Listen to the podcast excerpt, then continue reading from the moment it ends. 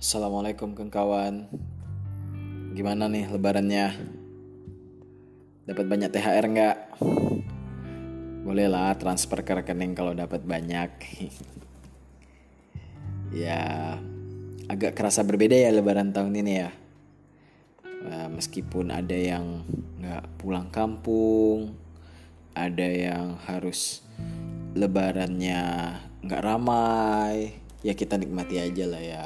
Mungkin ada banyak sekali hikmah yang mau dikasih Tuhan ke kita lewat lebaran tahun ini atau suasana kumpul-kumpulnya. Uh, anyway selamat datang lagi di podcast kelakuan. Yang suka banget ngobrolin kelakuan kita yang ada dalam kehidupan cara kita hidup dan mungkin hal-hal yang terdampak dari kelakuan kita sih Nah, jadi uh, minggu-minggu uh, ini sih setelah selama Lebaran itu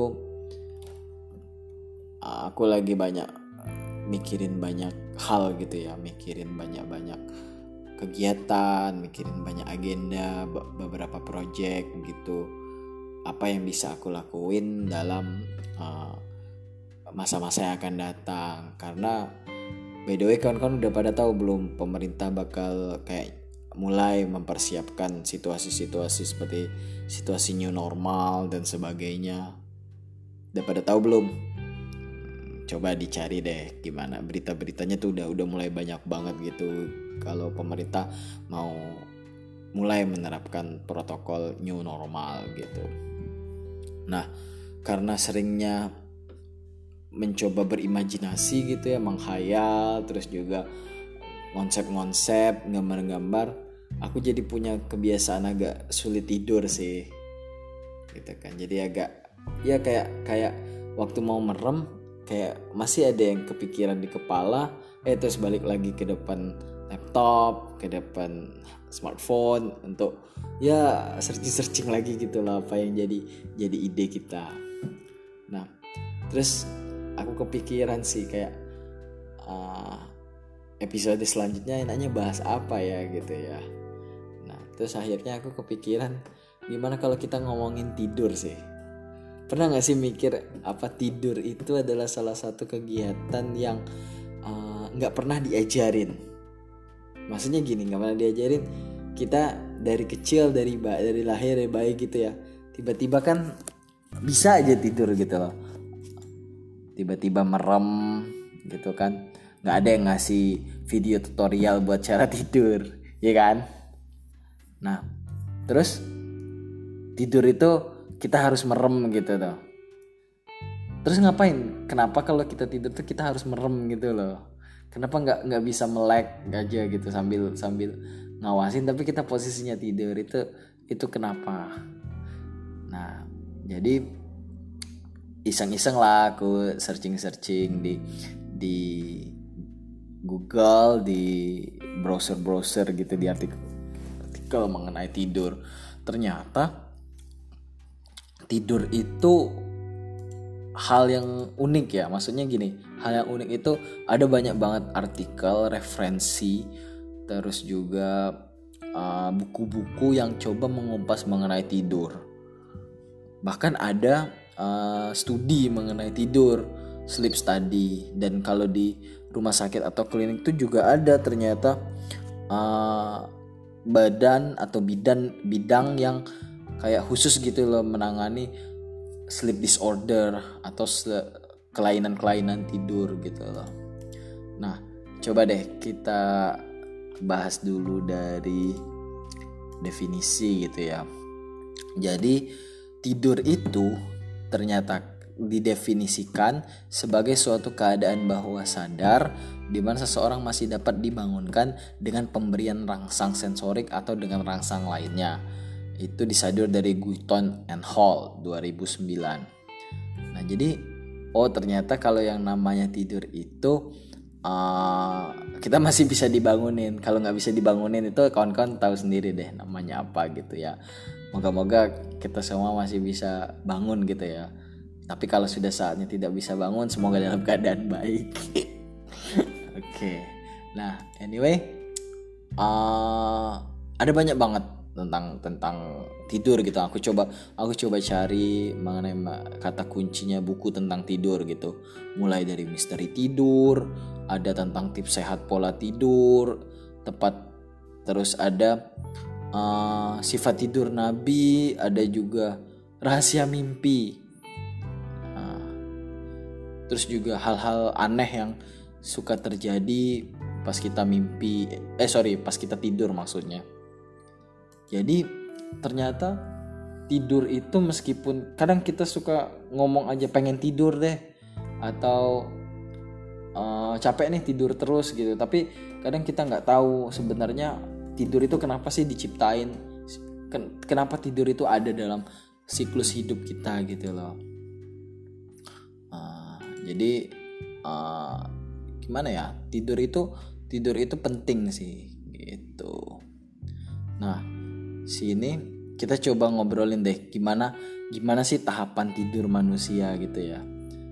Nah, kalau dari artikel yang aku cari ini sebenarnya tahapan kita itu terlelap tidur ada banyak hal.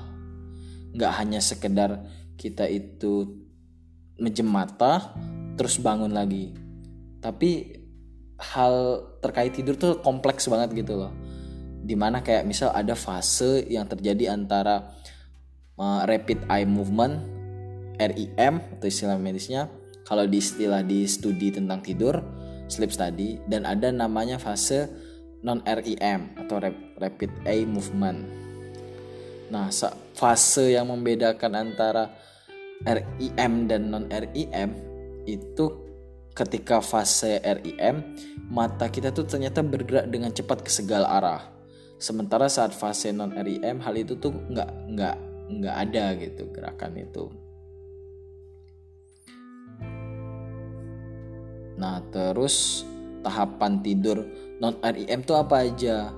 Nah tahapan fase non REM itu uh, tahap pertama di mana itu mata seseorang akan terpejam namun masih mudah untuk terjaga. Ya jadi itu wajar sih kalau misal awal-awal tidur itu uh, terus kita dengar suara suara dari adik kita atau orang tua kita tuh masih kita masih bisa dengar. Nah, biasanya tahapan ini tuh pertama itu sekitar 5 sampai 10 menit. Terus kita masuk ke tahap kedua tadi dari dari tahapan tidur non REM di mana uh, kita masuk ke tahapan tidur ringan. Detak jantung mulai melambat, temperatur tubuh ikut menurun. Nah, saat inilah saat-saat momentum pas tubuh kita tuh siap untuk masuk ke deep sleep. Nah, terus tahap ketiga itu adalah momentum saat kita mendapatkan deep sleep atau tidur yang dalam. Di mana pas tahap ini tuh tubuh kita melakukan proses istirahat untuk memperbaiki jaringan, membentuk tulang dan otot, sampai memperkuat sistem kekebalan tubuh. Nah, pas fase ini tuh orang tuh kebok banget buat dibangunin. Kalaupun dia kebangun tiba-tiba pasti kayak pernah gak sih kalau udah tidur nyenyak banget gitu ya, sulit dibangunin, pas tiba bangun tiba-tiba gitu kayak ada puyang-puyang atau disorientasi lah kalau bahasa bahasa orang medis gitu mungkin ya selama beberapa menit. Nah itu itu bahaya gitu kayak kalau keseringan terbangun atau dibangunkan pas fase-fase lagi deep sleep gitu. Nggak mau kan kalau tiap tiap kita udah nyenyak bobo eh tiba-tiba puyang terus bangun. Nah itu biasanya nggak enak banget gitu loh untuk ya misalnya untuk kerja lagi atau untuk untuk beraktivitas lagi biasanya kadang kurang nyaman. Nah terus Fase selanjutnya itu fase REM. Via fase REM itu biasanya terjadi 90 menit setelah seseorang terlelap. Nah, pas fase ini, napas seseorang itu menjadi lebih cepat dan tidak teratur. Hingga detak jantung serta tekanan darah berada di level seperti akan kembali terjaga. Fase pertama REM, Rapid Eye Movement itu biasanya terjadi selama 10 menit setiap tahapan akan menjadi lama hingga mencapai satu jam.